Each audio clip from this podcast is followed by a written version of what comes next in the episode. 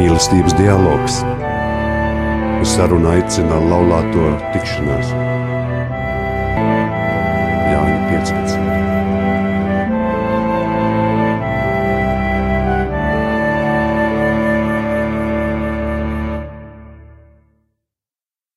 Labvakar, cienījamie radiokamā arī klausītāji!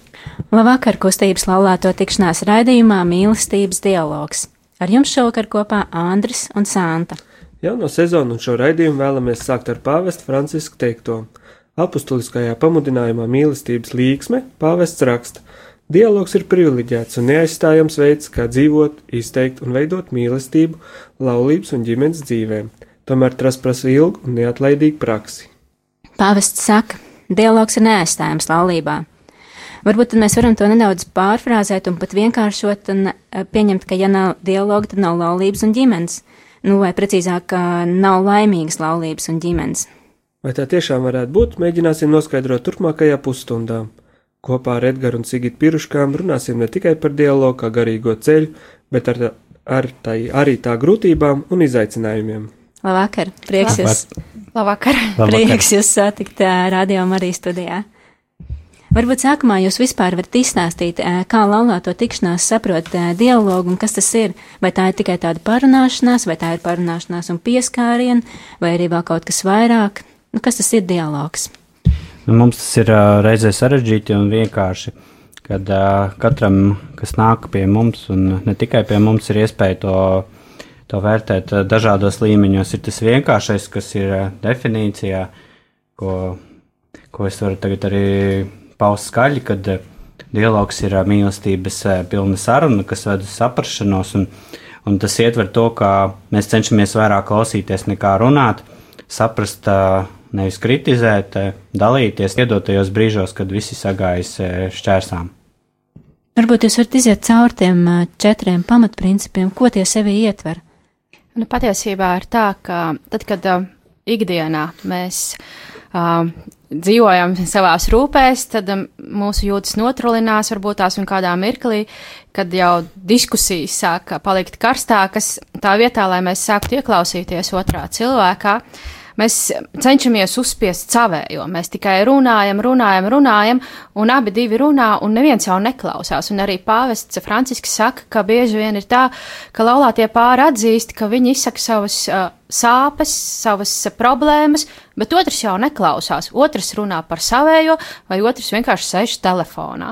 Un līdz ar to mēs aicinām vairāk klausīties, un arī paši ikdienā cenšamies vairāk ieklausīties.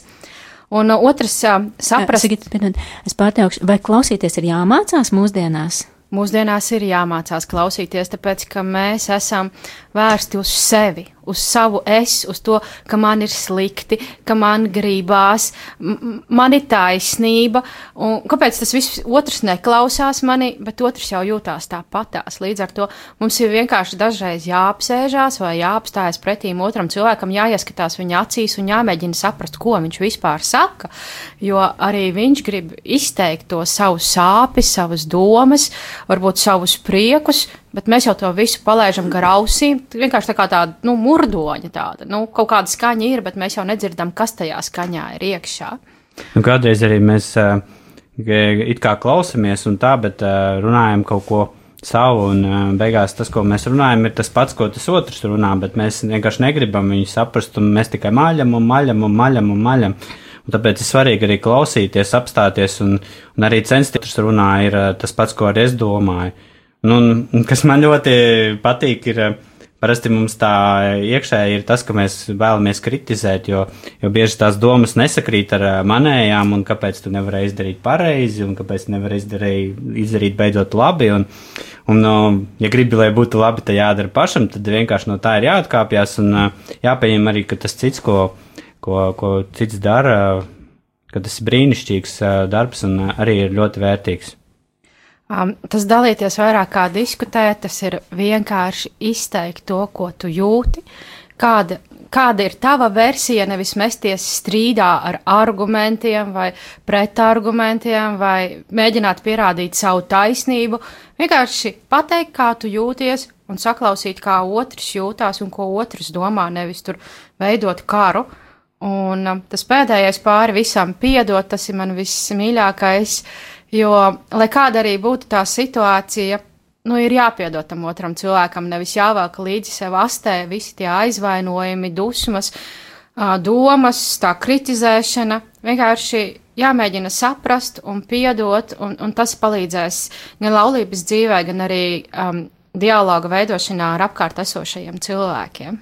Bet tas pēc prakses var teikt, ka ar to dalīšanos ir diezgan grūti, jo, jo it kā mēs dalāmies, dalāmies, bet uh, nu, tās jūtas ir diezgan uh, tādas spēcīgas rodas, ka tās dalīšanas uh, rezultātā, ja ceļš tie viedokļi nesakrīt, tāpēc tas ir arī tāds ceļš, kas mums ir abiem diviem jāmācās arī pareizi dalīties, īstajā brīdī dalīties, lai nesāktu diskutēt.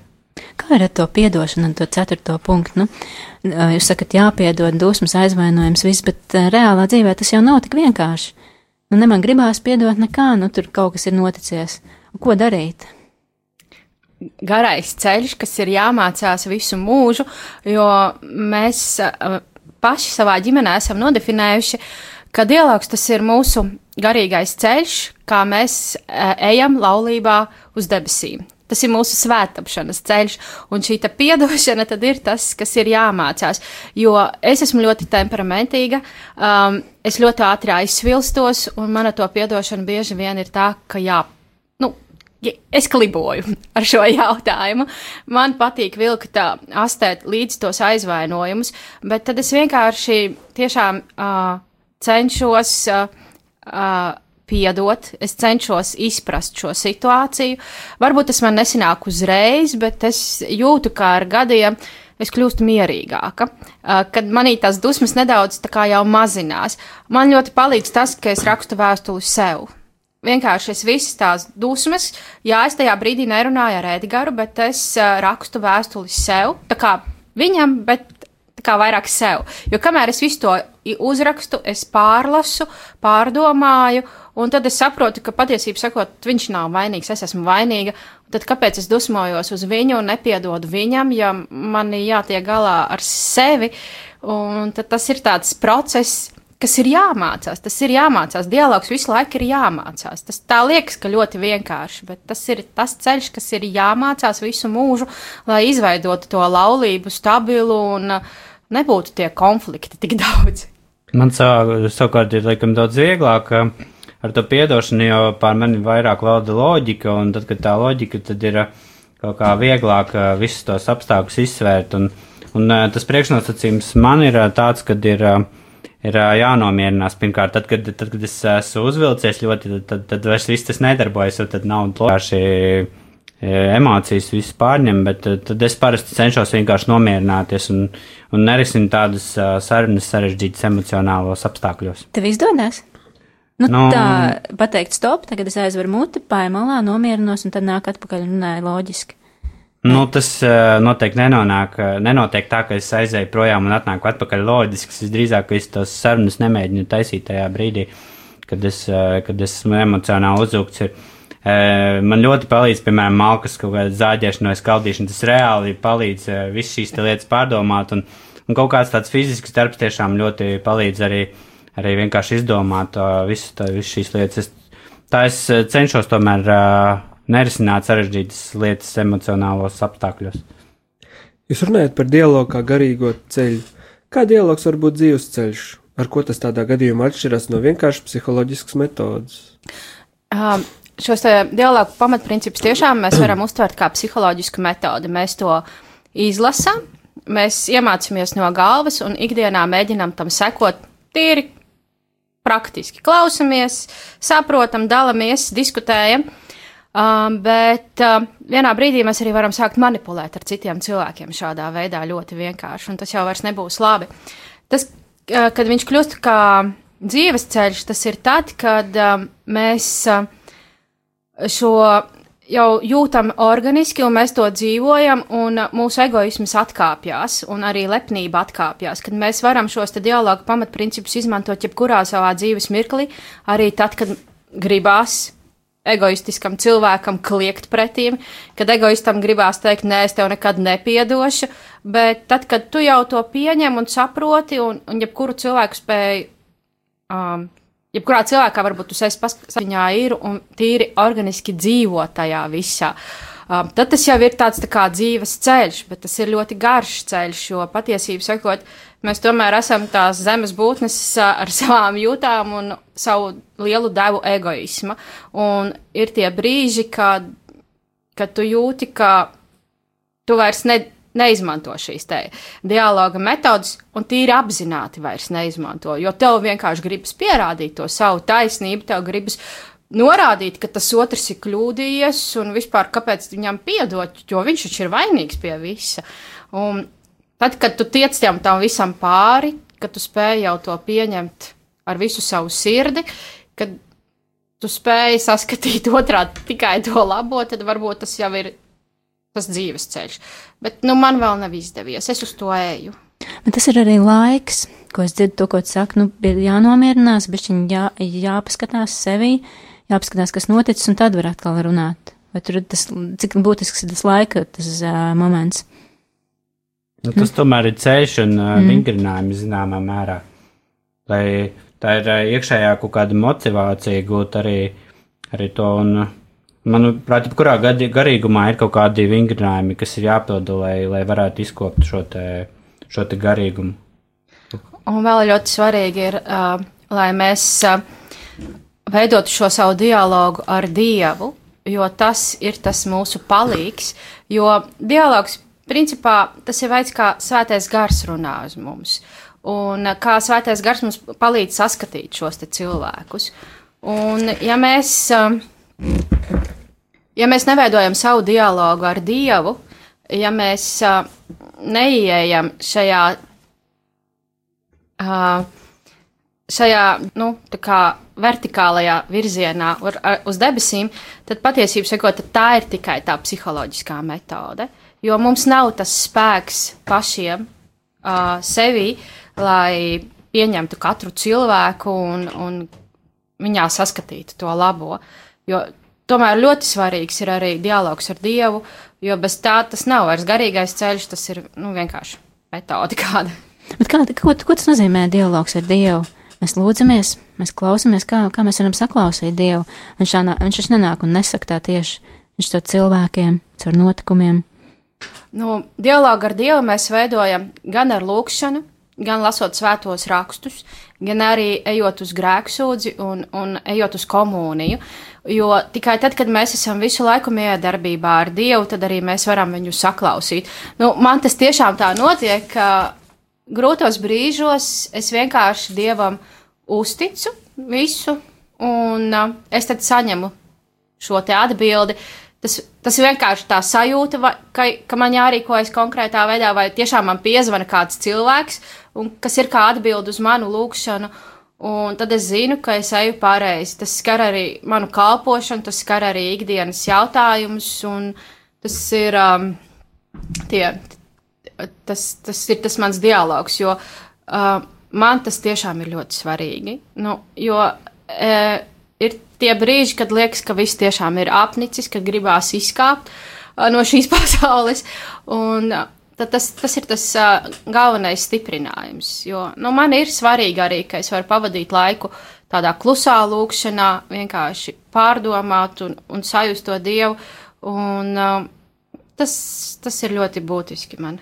Bet, uh, man liekas, kāpēc. Uh, nē, bet Mēs arī varam, varam ar Dievu vienkārši tāpat runāt. Protams, tas nebūs tā, kā mēs runājam viens ar otru.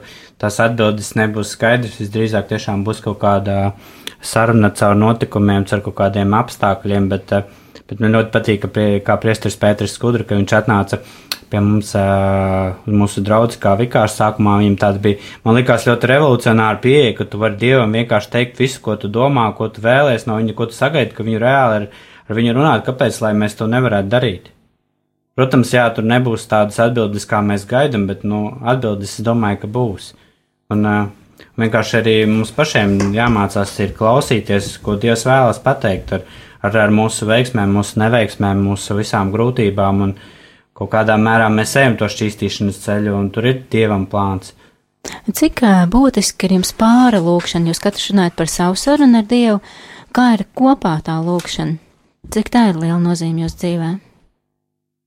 Uh, mēs jau gadus uh, piecus katru vakaru uh, mums ir kopīgā ģimenes lūkšana, kad, kad mēs uh, brīvā formā izsakām savus lūgumus uh, Dievam. Tās ir gan pateicības, gan arī konkrētas lūkšanas. Uh, uh, un tad uh, šādā veidā mēs veidojam, sa, nu, kā, laulātais pāris dialogu ar Dievu, bet mēs veidojam arī uh, kopīgu uh, lūkšanu un, un Kā ģimene, ja? kā ģimene. Kā pāris. un uh, mēs arī veidojam kopīgu dialogu viens ar otru.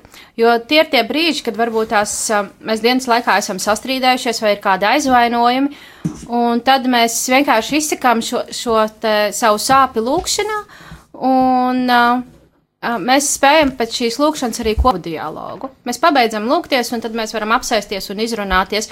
Un ir bijušas tādas dienas, varbūt tās, kad es esmu atkal savā temperamentā apvainojusies uz Edgars, tad viņš īstenībā paņem manu roku un lūdzās viens pats. Un pēc šīs lūkšanas mēs varam apsēsties un vienkārši izrunāt visu, kas, kas, kas ir starp mums, un tas ir tas palīgs, kas mums um, palīdz iet uz priekšu, un arī kas, kas kā mūs stiprina kā ģimeni. Jā, bet uh, man liekas, mums ir uh, šīs te pāra attiecības ar Dievu un ir arī personiskās. Man, ir, man ir kaut kā tā, ka es uh, kaut ko darbā vienkārši domāju un, un vienkārši ka, noskaitu kāds tēvs mūsu vai vienkārši kaut ko pilnīgi tā harizmātiski kaut ko domāju par to, ka ko Dievs vēlēs tagad no manis un cik labi ir ar tevi būt un kaut kā tā ir kā, nu, nav jau tā, ka mēs uh, esam kaut kādā mērā darbā aizējām gūstā uz astoņām stundām, un tad esam atrauti no dieva, atnākam mājās, pēkšņi kļūstam brīvi. Mēs, mēs kaut kādā mērā visu laiku esam ar dievu, un tā ir mūsu izvēle. Bet man liekas, tādā pāra lūkšanā jūs arī atklājat viens otram nu, kaut ko vairāk, nevis tikai par ikdienišķām lietām, tad par darbu, par futbola spēles, nezinu, nu, par kaut kādu vakariņām, bet arī kaut ko, nu, tā kā tuvākas lietas, intīmākas, tādas personīgākas. Nu, var tādā veidā satuvināties arī, vai tā nav? Uh, nu, tas bija sākumā, kad, kad mēs sākām šo te vakara lūkšanu, tad bija vairāk tā, ka, nu, jā, es teicu, ka varbūt tās es esmu dusmīga vai, vai kā, nu, bet tagad ir tā, ka mēs jau viens otram tā kā jūtam, ja kāds ir apvainojies vai kādas problēmas, tad vienkārši pēc šīs lūkšanas ir tas, ka mums ir tas spēks pārunāt. Un tad, tad mēs varam tiešām izrunāt, par ko ir tā sāpe, kāpēc, par ko ir tā, tā nerunāšana, kas ir bijusi tur pa dienu vai vakarā. Un vienkārši tad mēs varam apsēsties, jo bieži vien tā, ka tad, kad tu esi dusmīgs, kad tu negribi piedot, tad tu arī negribi ar otru runāt. Man tā ir, ka es jūtos, ka varbūt mani nesapratīs vai mani nosodīs, bet tā lūkšana dod to spēku atklāties uh, laulātajam un um, tad izteikt to savu sāpi. Un nav tās bailes, ka, ja es tagad pateikšu, tad mani nemīlēs vēl vairāk. Jā, bet man liekas, ikdienā mums tā lūkšana ir samērā formāla. Tādā ziņā, ka jau ir tie nodomi zināti un zināmi, un mēs arī uh, viņiem kaut kādā mērā sekojam, piemēram, mūsu krustbērniem un tā, bet ja ir kaut kas tāds emocionāls, piemēram, kaut kāds jānodod analīzes vai, vai kaut kas, tad mēs to pieliekam klāt, vai ir kaut kāds, kaut kādi apstākļi, kas mums ļoti saviļņo, tad mēs to liekam iekšā, mums ir kaut kāds tā kā nemainīgā daļa un mainīgā daļa, tā varētu teikt. Pastāstiet, kāds ir uh, dialoga galvenās grūtības? Jūs jau te dažas ies, ieskicējāt, bet kas ir tas, ko jūs redzat, gan strādājot ar, ar citiem pāriem, ar tiem pāriem, kas uh, gatavojas laulībām, gan arī tiem, uh, kas ir jau laulībā? Ko jūs redzat? Jūs minējāt dusmas, aizvainojums, kas vēl?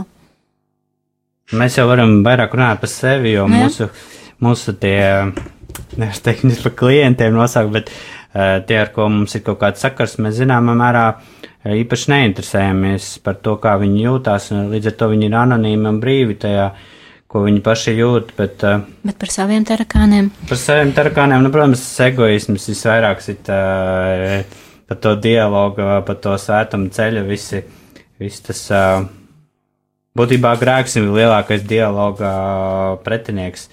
Šajā ziņā nav nekāda izņēmuma, kā jebkurā citā garīgā dzīvē. Bet tas, tas arī tas, ka mēs kā esam ļoti teorētiski labi sagatavoti, bet, bet, bet mēs paši nesakojam šiem principiem un, un dusmojamies viens uz otru, negribam uzklausīt, gribam vairāk runāt, vai arī vienkārši negribam saprast, un, un tad gribam uzspiest to savu viedokli. Tas, Tas, manuprāt, ir klasika visur, bet jautājums, kādā, kādā mērā tas viss dominē mūsu dzīvē. Bet, man liekas, tas viss ļoti vienkārši saprotams, bet sarežģīti realizējams.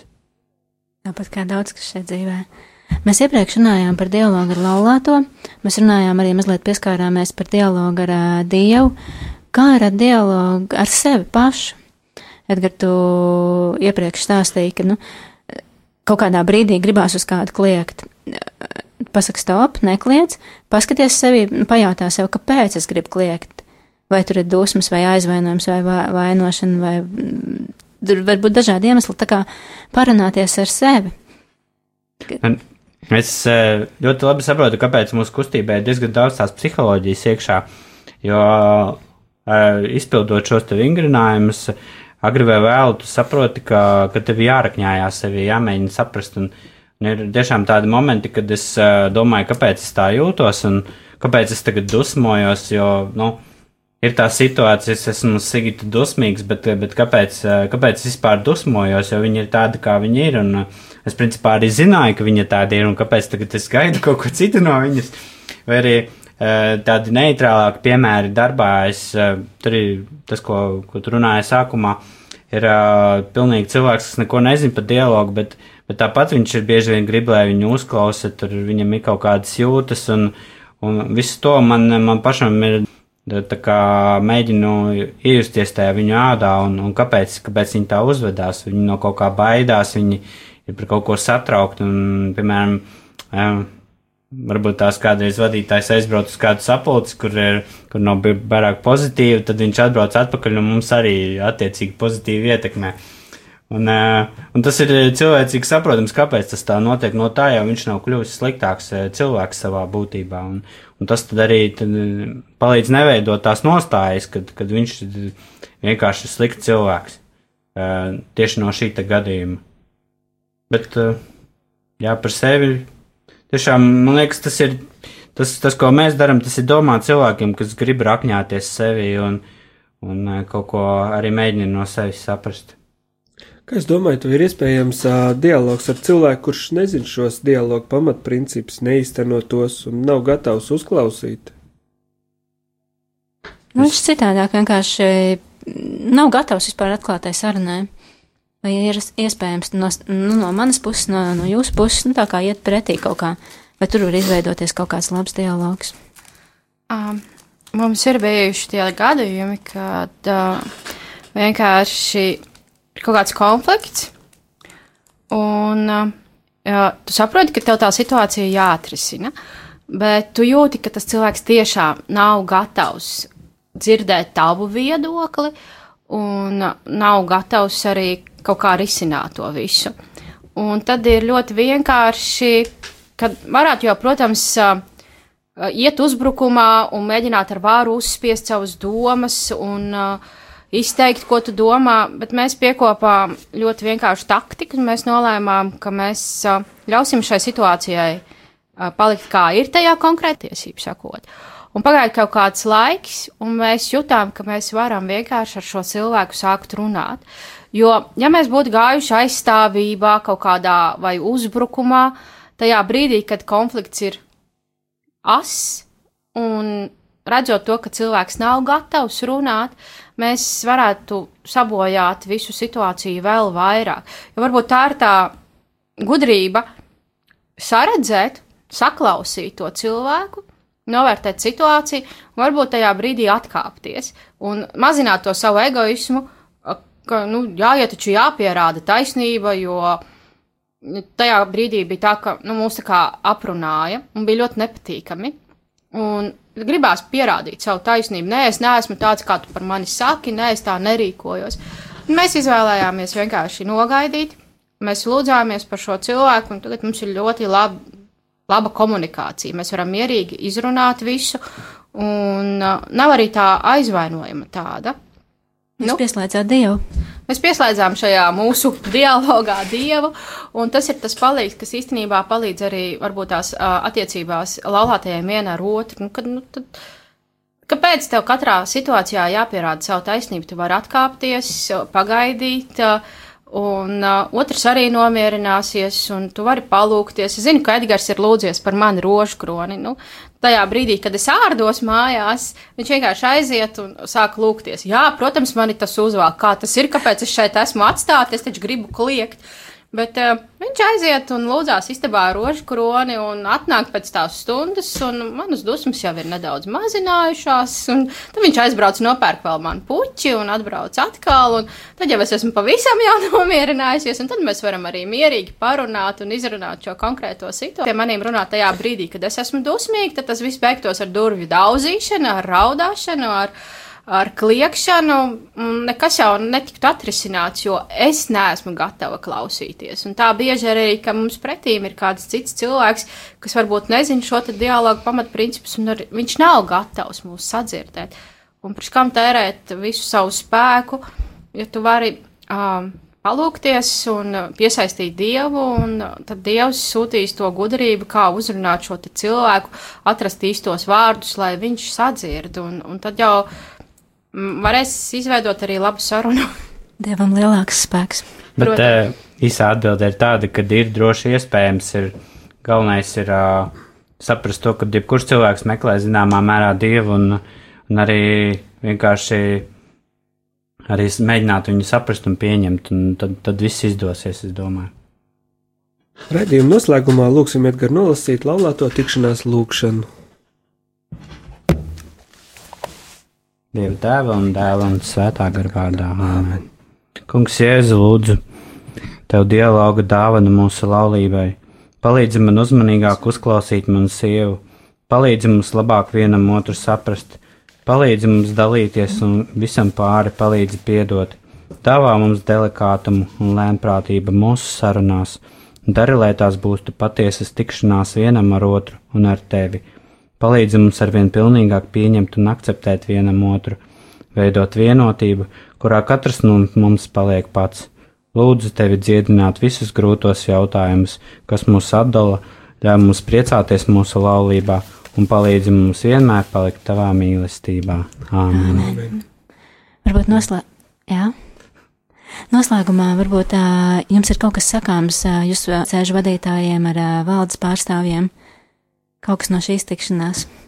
Um, nu vienīgais, ko mēs varam stā, pateikt, tā, ka tos, kas grib iemācīties šo dialogu ceļu, kas grib uh, sākt veidot šo kopīgo sarunu, varbūt uh, no jauna piedzīvot, kas ir medus mēnesis, atcerēties savu medus mēnesi, atcerēties, kā bija tad, kad tiešām viens uz otru skatījāties, uh, turējāt viens otru roku un bijāt laimīgi, tad mēs varam um, aicināt uz aglonu no 11. līdz 13. oktobrim, un tad tur brīnišķīgā vietā, jā, pie Dievmātes Latgalē, um, iemācīties, sākt mācīties šos dialoga pamatprincipus un, un sākt iet šo dialoga ceļu, jo tas īstenībā ir interesants piedzīvojums. Un, un tas ir tas, ko, kas ir tas, tas ceļš uz svētumu, jo laulātais pāris uz debesīm iet kopā.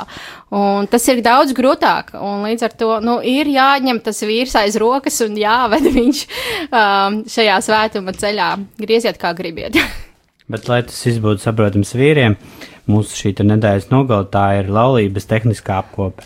Un, ja jūs nezināt, kāpēc tāda vajadzība laulībai, tad, tad eh, jūs noteikti zināt, kāpēc tā vajadzīga mašīnām un, un citiem mehānismiem.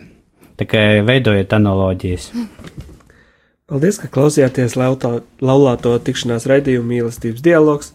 Arī turpmākajos raidījumos esam iecerējuši runāt par dialogu dažādās dzīves situācijās. Labvakar! Ar labvakar!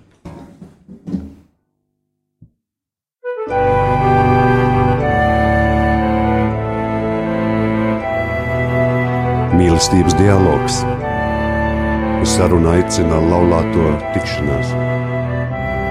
Palieciet manā mīlestībā 15.